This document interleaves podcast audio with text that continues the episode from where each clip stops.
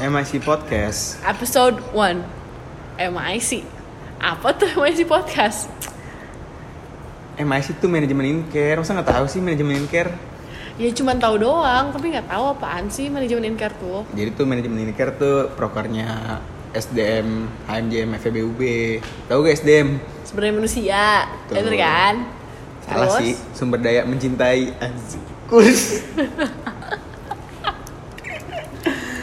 ya itu jadi eh, dengan adanya manajemen incare ini kita pengen bawain sesuatu yang baru buat teman-teman di masa pandemi ini karena rata-rata teman-teman kita juga pada di rumah jadi mungkin butuh hiburan edukasi jadi kita eh, bikin podcast ini buat bahas sesuatu sesuatu yang menarik lah.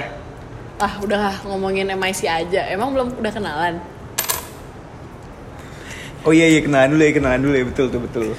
Jadi teman-teman kenalin nama gua Dino.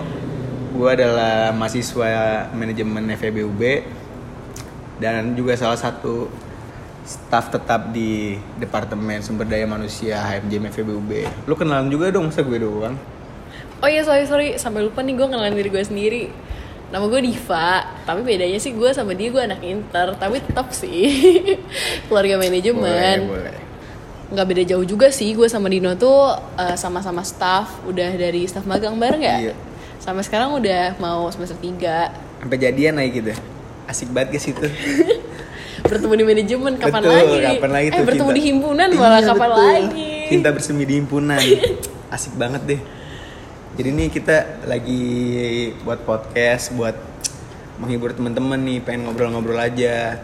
karena ya kita berdua juga tahu sih maksudnya otomatis selama pandemi gabut kan. Ya, dan ya betul. kita pengen memberi hiburan aja. No kok kepo deh mau nanya. Kenapa tuh? lo selama pandemi gini selama corona kan udah online nih. Berapa bulan ya? Tiga nggak sih? Tiga, sampai kelar lagi semesteran tuh. terus lo ngapain aja? Karena gue sendiri gue butuh referensi baru sih. Maksudnya gue udah bosen gue ngelakuin apa yang biasa gue lakuin. Kalau lo sendiri ngapain? Ya kalau gue sih paling cuma di rumah doang main HP, main laptop, nonton film. Kalau Sabi keluar mah keluar nongkrong sekali-sekali. Tapi kadang-kadang parno juga sih kalau nongkrong lagi rame-rame gitu. Jadi lebih banyak di rumah aja sih gue main-main HP, lihat sosmed gitu-gitu deh. Soalnya kan lagi kayak gini sosmed ada itu updatean-updatean tiba-tiba kasus apa kasus apa jadi rame aja sih. Kalau sendiri ngapain tuh? gue kayaknya nggak beda jauh sih sama lo kerjaan gue gue main hp gue nonton dan kalau gue nongkrong pun ya gue nongkrong sama teman-teman yang biasa gue ketemu. Kalau nggak Parno sendiri nggak sih kalau lu ketemu Iya sih. sama temen-temen yang lu jarang ketemu dan lu nggak tahu dia udah ketemu siapa aja? Tapi buat yang dengerin nih apa ya eh, ini aja sih hiburan aja sih. Jadi ini Diva juga salah satu maba ternongkrong nih. Ternongkrong 2019 manajemen keren banget gitu ya pada masanya tapi Pada kan masanya pada ya. masanya tapi Iya, ya gara-gara pandemi ya kerjaan gue ya di rumah. Di rumah doang. Gak mungkin juga lah gue nongkrong-nongkrong ya gue juga harus sayang sama keluarga gue gue sayang sama diri gue sendiri. Tapi suntuk juga gak sih lama-lama? Maksudnya di rumah doang kayak kangen ngampus gitu ke temen-temen nongkrong. Gue kangen banget sih ngampus apalagi kita berdua lu orang Jakarta dan gue orang Bandung dan dua-duanya rantau. Iya dan lo mengakui gak sih maksudnya beda banget dari lo ngerantau dan sekarang lu udah di rumah dengan tiba-tiba terus kayak lu nggak bisa balik lagi ke Malang sampai tahun depan untuk menjalani rutinitas lo seperti biasa. Udah gitu mana kita lagi masa-masanya organisasi kan broker-broker semua jadi diubah. Online gini jadi menyesuaikan banget sih jadi kangen broker yang offline offline gitu gak sih? Iya sih. Kerja bareng nongkrong rapat jadi online semua lama-lama yang gue rasain kayak suntuk-suntuk aja sih gitu. Temen-temen gue ada yang udah jadi nggak semangat udah ada yang jadi males-malesan. Dan yang bisa gue rasain sendiri dari awal kita ngerjain proker atau kita ngerjain rapat-rapat ataupun kelas orang-orang motivasi dan semangatnya udah turun banget. Maksudnya kebanyakan orang juga udah demot sih. Termasuk gue sendiri yang bisa dibilang udah tidak sesemangat dulu. Tapi ya namanya tanggung jawab ya tetap harus dijalankan gak sih? Sih. Tapi kalau menurut gue juga corona nih ada baik buruknya sih. Menurut gue baiknya nih kita yang generasi kita nih udah dilatih buat masuk era digital gitu gak sih? Jadi semua udah serba digital tar ke depannya juga menurut gue eh, digital bakal naik-naiknya banget sih. Apalagi kayak sosmed-sosmed sekarang IG, Twitter, TikTok dan banyak hal-hal yang dari sosmed itu eh, apa ya kayak mempengaruhi orang banyak gitu dan emang sih sekarang lo lo pasti setuju eh, sosmed tuh punya pengaruh yang cukup Setuju, besar setuju lah. banget, setuju banget. maksudnya dalam kehidupan sehari-hari kayak pastinya lo nggak mungkin sehari lo nggak buka sosmed. Iya sih benar. Mau itu Twitter mau itu Instagram mau itu TikTok apalagi TikTok. Iya. TikTok tuh seru juga sih kadang-kadang tuh. Informatif. Informatif sekali kan joget-jogetnya tuh. Sangat mendidik ya tapi lumayan bangsa. sih. Maksudnya Iya. kalau lu gabut ya lu belajar Betul. dance siapa tahu lu dapet pamornya. Betul betul. Banyak. Maksudnya ada beberapa teman gue juga yang tiba-tiba menjadi agak cukup dikenal dan bisa membuat konten di TikTok. Dan ya lumayan. Hari gabut ada beberapa yang dapat endorse. Jadi si sosmed. Jadi tergantung orangnya aja ya bisa gunainnya dengan baik atau buruk ya. Yang gue salutin dari satu teman gue ini adalah dia itu sangat bisa mereview barang. Oh mereview barang deh. Dan endorse endorse. endorse. Gak endorse tapi dia membeli barang tuh. Terus dia suka dan dia kayak memberikan kayak pendapat dia tentang barang itu atau memberikan kayak sneak peek tentang barang itu. Terus apa emang cita-cita jadi selebgram? Enggak sih emang doi ya butuh ya wadah untuk mengekspresikan diri dan apalagi gabut corona daripada lu di rumah doang lu tidur. Hmm. Setidaknya ya bikin produktif ya walaupun nggak produktif produktif amat tapi ya di luar dari comfort zone lu.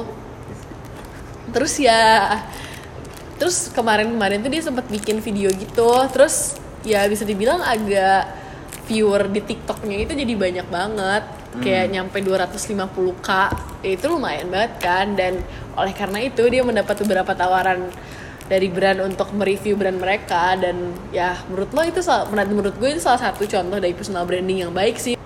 Nah gue setuju sih tuh kalau emang sosmed punya impact yang gede soalnya dari sosmed tuh banyak apa ya? Peluang-peluang yang Iya muncul nggak peluang sih? peluang. Terus kayak kemarin apalagi yang kasus kemarin tuh yang kayak ada salah satu korban pelecehan lah yang dari universitas seberang kota Malang tuh yang lagi rame banget tuh yang bungkus-bungkus tuh nah itu kan gara-gara sosmed orang-orang bisa tahu ya ada eh, tentang kejahatan-kejahatan seksual seperti itu. Jadi emang bener-bener sangat berguna sih sosmed. Dan selain untuk informasi sosmed itu sangatlah penting buat personal branding sih. Maksud gue kalau lo bisa nge-brand diri lo sendiri sebaik mungkin dan membuat orang yakin dan percaya tentang lo kadang banyak opportunity yang datang. Maksudnya contoh nih ya dari Instagram. Awal-awal gue main Instagram tuh gue masih inget banget gue masih bocah di mana nggak ada tuh nama kata-kata influencer. Buat seru-seruan dong tuh ya? Iya buat seru-seruan doang di mana gue biar kayak keren biar keren. Biar keren dan sampai gue inget banget gue ngepost dulu banyak banget. Kayak setiap gue foto gue post. Soalnya emang pada pakai saat itu hashtag selfie atau begini kurang lebih. Gak mau ngaku gue gak mau ngedinai gak mau ngaku. Mungkin itu terjadi dan yang bisa gue sadari untuk Instagram sendiri ya banyak transisi dari Instagram yang dulu menjadi Instagram sekarang di mana sekarang sudah banyak lah kita mengenal kata-kata selebgram dan influencer. Soalnya sekarang juga Instagram bisa jadi peluang buat bisnis sih ya gara-gara adanya influencer terus banyaknya pemakai Instagram tersebut orang-orang bisa bikin bisnis sana buat promosiin segala macem. Gue sih kurang tahu ya siapa yang mulai movement dari kata selebgram itu tapi salah satu eh, selebgram yang bisa dibilang gue agak amazed dan kagum pada satu sisi adalah ya Karin. Kenapa tuh? Dia pada awal-awalnya mempunyai image yang bisa dibilang kurang baik di mata masyarakat dan hanya menjadi sebuah ejekan dan lelucon lah di kalangan masyarakat. bad girl bad girl. Ya dan ya masa lalunya tapi sekarang lo sendiri bisa lihat dia bisa menggunakan platformnya betul betul. menjadi sangat baik. Dia punya foundation dia punya clothing line dia dia bisa sampai punya rumah sendiri dengan uang yang dihasilin dari sosmed. Dan itu adalah salah satu kekuatan sosmed yang tidak bisa diragukan sih. Tapi caranya kayak gitu menurut lo gimana? Kalau menurut gue sih apa ya tentang dampak sosmed dan cara penggunaannya itu kayak misalkan yang selebgram selebgram tuh nggak instan gitu nggak langsung kayak orang-orang percaya sama dia. Itu kan butuh proses sama butuh pembangunan apa ya yang seperti tadi lo bi- bilang sih kayak personal branding dan lain-lain. Kayak misalkan bagaimana cara dia menginfluence orang-orang banyak dan selalu menjaga sikap biar orang-orang lain tuh apa ya berperilaku ya. Orang lain. Orang-orang lain bisa percaya dengan opini mereka? Iya orang-orang lain bisa percaya dengan opini mereka sih. Kalau contoh menurut gue yang salah satu selebgram bukan selebgram sih sebenarnya kayak udah Influencer. ya influencer. Artis lah ya. Ya artis lah ya. Maksudnya public figure lah kalau panutan gue nih salah satu tuh Gofar Gofar Hilman tuh Gofar kenapa Hilman. tuh Soalnya emang agak goks juga ya orangnya ya banget itu orang menurut gue. panutan bisa lah kadang Bisa. Soalnya kalau Gofar Hilman menurut gue tuh di dunia sosial media tuh punya ciri khas sendiri dia. Maksudnya dia tuh jadi dirinya aja gitu nggak mesti kayak sosokan pencitraan Iya, lah nggak- ya nggak ada nggak ada banyak pencitraan maksudnya dia apa adanya aja tapi banyak orang yang emang demen dengan gayanya dia gitu loh. Maksudnya kayak gaya-gayanya yang kayak ngerok-ngerok atau ngepang terus yang doyan-doyan otomotif. Apalagi kan bisnisnya doi juga banyak tuh dari mulai lawless terus dari clothing bengkel sekarang juga buka restoran. Menurut gue doi keren banget sih emang. Eh, bagusnya dia adalah dia dari awal nggak apa ya bisa dibilang dia nggak ada pencitraan nggak sih? Jadi Yoi. orang tuh pas kenal sama dia dan dia sudah mempresentasikan dan mengenalkan dirinya di sosial Iya. media orang tuh maksudnya udah nggak punya stigma gimana gimana terhadap dia gitu loh. Maksudnya orang udah suka dengan image yang dia bawa yang ternyata untungnya adalah image diri dia sendiri yang bisa dibilang relatable pada satu sisi. Soalnya Gofar juga pinter sih maksudnya emang ada tuh pasar-pasar yang orang-orang demen kayak model-modelan Gofar tuh yang ngomong apa adanya maksudnya ceplas ceplos saya tuh ngomong anjing ngomong bangsat nggak butuh pencitraan tapi orang-orang juga tahu emang doi ini orang sukses gitu orang Dan pinter aslinya begitu. iya aslinya begitu Jadi walaupun kayak begitu orang juga tetap suka dengan hasil yang dia punya Iya. dan outcome yang dia punya. Tapi bagusnya juga dari sosmed dan personal branding tuh nggak bisa instan gak sih? Maksudnya Iya, nggak instan lo harus konstan dan lo harus stabil dengan apa yang lo lakuin. Gak bisa lo di tengah-tengah lo kayak menyesal, bukan menyesal ya. Lo meninggalkan brand yang telah lo ciptakan buat diri lo sendiri. meninggalkan jadi diri lo ya Iya, dan sangat disayangkan juga di, dari awal personal brandingnya dimulai dengan bukan diri lo sendiri. Karena ya pada satu sisi dan pada akhirnya jati diri lo sendiri pasti keluar dan bakal ketahuan lah. Iya dan adalah beberapa contoh selebgram atau artis yang bisa dibilang di cancelled di cancelled atau tidak disukai orang dan penggemarnya gara-gara ternyata Banyak apa yang iya pencitraan gara-gara apa yang dia tampilkan dan sifat aslinya tuh gak ya. sesuai. That's, that's dan kata gue itu salah banget sih buat personal branding. Maksud gue eh, bisa banget lo menjadi diri lo sendiri menjadi versi terbaik diri lo sendiri dan lo ngebrand diri lo sebaik mungkin ini kan dari tadi kita bahas nih kayak model-modelan public figure sih kan yang influencer-influencer. Kalau menurut lo sendiri personal branding di kehidupan orang-orang normal nih kayak kita nih yang maksudnya ya followers cuma teman-teman deket tapi followers bukan followers bener followers bukan orang-orang. Yang keren juga enggak tapi Ya udah, ikut tapi- aja nih main sosmed iya. buat seru-seruan gitu buat apa ya buat eh, memperlihatkan diri kita lah di kehidupan digital nih. Tapi kalau menurut lo nih personal branding di kehidupan kampus deh di organisasi penting gak sih? Penting. Apa penting kenapa tuh? Kalau kata gue personal branding tuh mencerminkan diri lo lo dikenal sebagai apa? Maksudnya ini tidak menggunakan kata-kata sosial me- sosial media Iya. ya hanya sebagai misalnya Nih. Dino. Ah Dino Dino si ini. Nah Dino yang si keren gitu. Asik. Emang kepedean sih kadang. Ya emang bocahnya begini ya. Maksudnya gini kayak pasti pada satu saat kalau orang nanya Dino Dino siapa? Oh Dino si ini. Si ininya itu adalah personal branding loh itu yang personal branding sendiri kan bisa dibilang mirip-mirip dengan reputasi dan Iya. bisa bilang bisa dibilang mirip-mirip dengan reputasi. Dan si reputasi ini yang harus bisa lo jaga. Jadi kata gue mau di lingkup sosmed yang lebih luas atau lingkup lingkup kecil yang lebih kecil yaitu di kampus ya tetap sih. Personal branding tuh ada gunanya gitu. Dan dengan reputasi yang reliable dan bisa diandalkan otomatis orang percaya dengan lo dong. Orang mendengarkan lah opini lo ya kata gue itu bisa sangat membantu sih personal Oh kayak misalkan itu. nih orang-orang anak organisasi datang rapat nih tepat waktu mulu terus kalau dapat kerjaan cepet tuh ngebangun personal branding dia sebagai orang yang emang kerja keras gitu apa gimana? Iyalah jadi misalnya misalnya nih sering lu- baca buku nih jadi anak kritis banget nih kayak nih. Bocah kritis banget nih. lo nih eh, misalnya gue udah butuh dari semua orang yang gue tahu bocahnya gimana, anaknya gimana lo gara-gara misalnya gara-gara lo seperti yang lo bilang lo rajin, lo rapat gak pernah telat, apa yang lo lakukan lakuin selalu on time ya orang otomatis bakal percaya sama lo yang udah menunjukkan bahwa oh gue tuh bisa nih A B C D. Dibandingkan orang yang kayak ya udah ya udah aja. Jadi orang juga mau bingung ya bingung ya. Bingung Ini orang maksudnya apa sih gitu nggak gitu juga Anda sih. gitu, kayak- gitu Oh, ya. iya. maksud gue lebih ke eh pak anda gitu.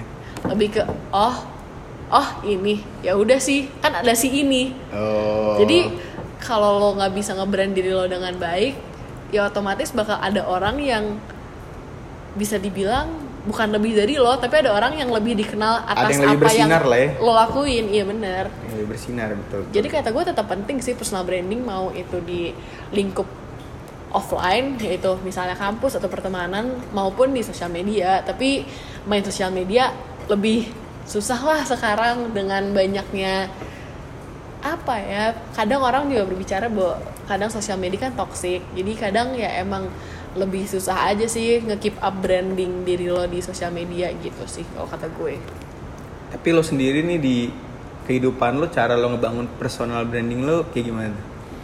Yang lo pengen dilihat deh dari orang-orang tuh lo kayak gimana sih?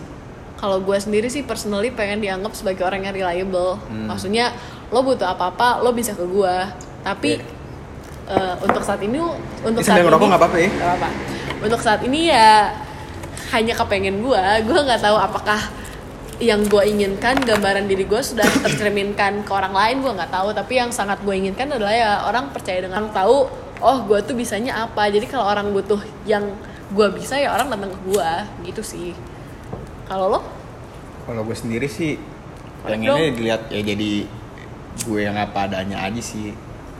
Soalnya takutnya misalkan gue kayak bangun brand yang eh, baik brand yang misalkan gue orangnya profesional apa gimana atau kerja keras lah atau gimana takutnya suatu saat nih gue ngecewain seseorang tuh nah itu dia sih maksudnya kalau ngebangun personal branding yang kayak gitu cuma takut kadang bisa orang-orang kan misalkan kalau personal branding sekalinya lo emang orangnya Ah. Lo orangnya kritis apa gimana terus tiba-tiba ekspektasi orang? ekspektasi orang tinggi nih. Terus suatu saat lu jadi males-malesan kayak gitu-gitu kan langsung drop tuh mesti lo bangun lagi personal branding lo. Jadi kalau gue pengennya jadi apa adanya aja sih ya gue ya gue gitu. Loh iya sih tapi itu bisa berjalan untuk offline kan maksud gue kalau personal branding seperti itu lebih kayak orang tahu lo orangnya gimana lo bisanya apa lo buruknya apa lebih gitu kan maksud lo. Iya jadi sih, bukan betul. yang kayak yang lo tunjukin hanya baik-baiknya saja karena emang bener maksudnya personal branding kalau lo udah nge-build sesuatu yang baik terhadap diri lo dan suatu saat lo menghancurkan itu sangatlah susah untuk mendapatkan kepercayaan yang sama dan trust yang sama dari personal branding yang udah pernah lo buat sih. Makanya sih makanya gue mager bukan mager sih ya makanya susah ngebangun personal branding tuh ya kayak gitu. Gara-gara gue pengen jadi gue yang apa adanya tuh orang-orang mungkin first impression atau baru yang kenal gue tuh nganggapnya gue kayak bocah-bocah sotoy, jutek, apa gimana. Tapi kalau udah kenal mungkin lebih tahu sisi gue yang lain lah. Jadi orang kalau ngeliat gue dari luarnya aja. Dari luarnya ini set ya ini mah bocah-bocah sotoy gitu-gitu kan. Tapi kalau udah kenal mungkin beda kali ya itu sih yang gue sering dengerin dari teman-teman gue kadang ada yang ngomong gue kira tuh lo orangnya apa gue kira lo orangnya ngeselin lah. dari gue sendiri ya, dari ya. Deh dari gue sendiri tuh pas gue dari awal staff magang sama dia tuh gue udah nggak ada ekspektasi gimana gimana nih anak mainnya nggak baur ya gimana? Maksudnya gue selama gue jadi staff magang nih selama 4 bulan gue ngobrol sama dia cuman di farewell. Lu bayangin gue kerja selama tiga bulan gue ngobrol cuman sekali di farewell. Tapi di saat gue kenal udah mulai ngobrol gue tahu oh orangnya gini. Tata eks, bukan ekspektasi. Baik. beda topik ya Manis, sorry. oh, beda, offside beda, offside offside.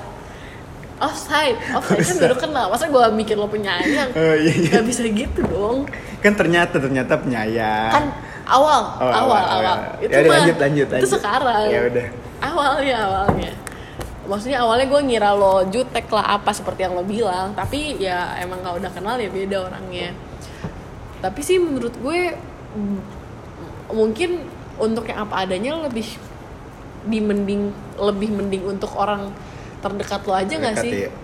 maksudnya tetap aja orang tuh harus harus tahu at least lo tuh gimana Apalagi dalam dunia kerja ya. iyalah maksudnya Dunia kerja tuh udah keras tuh. kuliah aja deh gak usah jauh-jauh Iya, kerja. Apalagi depan dosen, duh, mesti pencitraan banget deh. Depan Iya, dosen diem-diem doang, tiba-tiba E, tiba-tiba D. pencitraan emang sangat kadang dibutuhkan tapi ada batasan pencitraannya mau sampai semaksimal apa. Kalau hidup lo hanya pencitraan ya lo capek sendiri lah lo. Ngejalanin kehidupan yang ternyata itu bukan diri lo. Dan mau di sosial media mau aslinya mau offline ya kehidupan sekarang kalau orang yang terlalu gitu kadang ya aslinya keluar dan turns out orang-orang nggak suka aslinya gimana. Jadi ya bener apa adanya tuh oke. Sangatlah oke maksudnya itu ya emang harusnya kayak gitu apa adanya sih.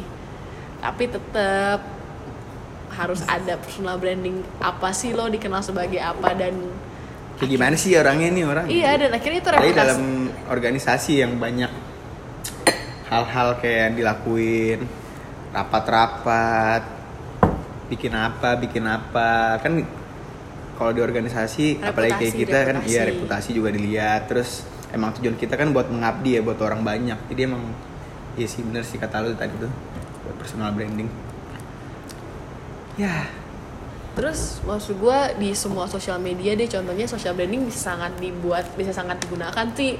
Apalagi kalau udah lingkup kerja salah satu yang untuk lingkup profesional LinkedIn maksudnya dari sekarang lo bisa mulai nge-build up profile LinkedIn lo lah jadi di saat lo kerja nanti lo nggak kelabakan maksudnya lo tahu lo tinggal ngejalin aja dan orang tuh tahu image yang dia portray dari lo tuh kayak gimana Hmm. kalau untuk dunia kerja ya IG dan Twitter juga sangatlah mungkin gak sih TikTok, Facebook. Iya sih bener-bener. Tapi kan kalau setahu gue ya kayak masuk HMJM gitu-gitu juga ada tes MBTI tuh. Iya. Ya kan tuh dari situ bisa kelihatan juga tuh Bocahnya orang. gimana. Iya ini orang kayak gimana sih lu? Kayak gimana sih kalau lu malu nanya sama orang lain tuh bisa tes sendiri tuh di MBTI. Kayak kemarin gue tuh ngetes ya kan.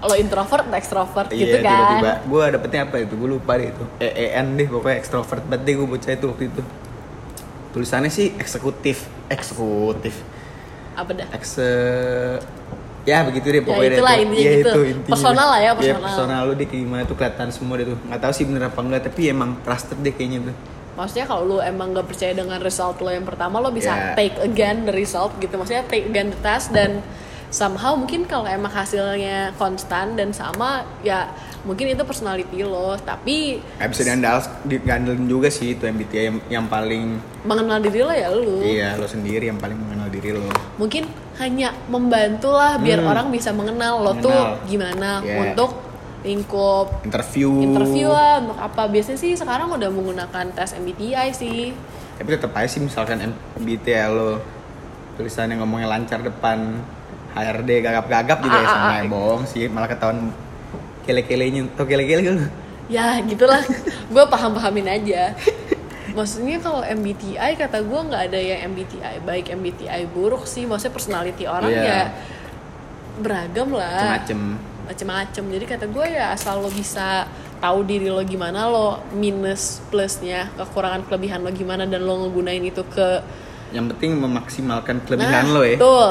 Iya, jadi betul. jangan sampai ya orang tuh cuma tahu kekurangan lo dan lo nggak bisa nge-maximize your own kelebihan kalau kata gue berarti intinya nih personal branding emang penting ya buat kehidupan kita ya?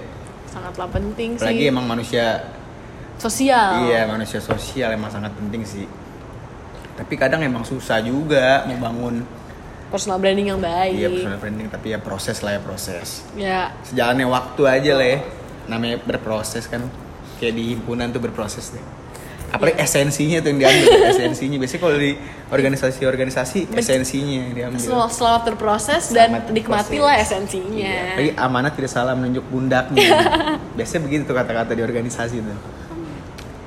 Tapi ngobrol kayak gini asik juga sih. Jadi gue dapat ilmu banyak sih dari lo nih tentang personal branding dan kehidupan bersosial ya sama sama halnya gue juga sama sih. Ya kita men- menukar insight menukar pendapat yang berbeda sudut pandang lah ya.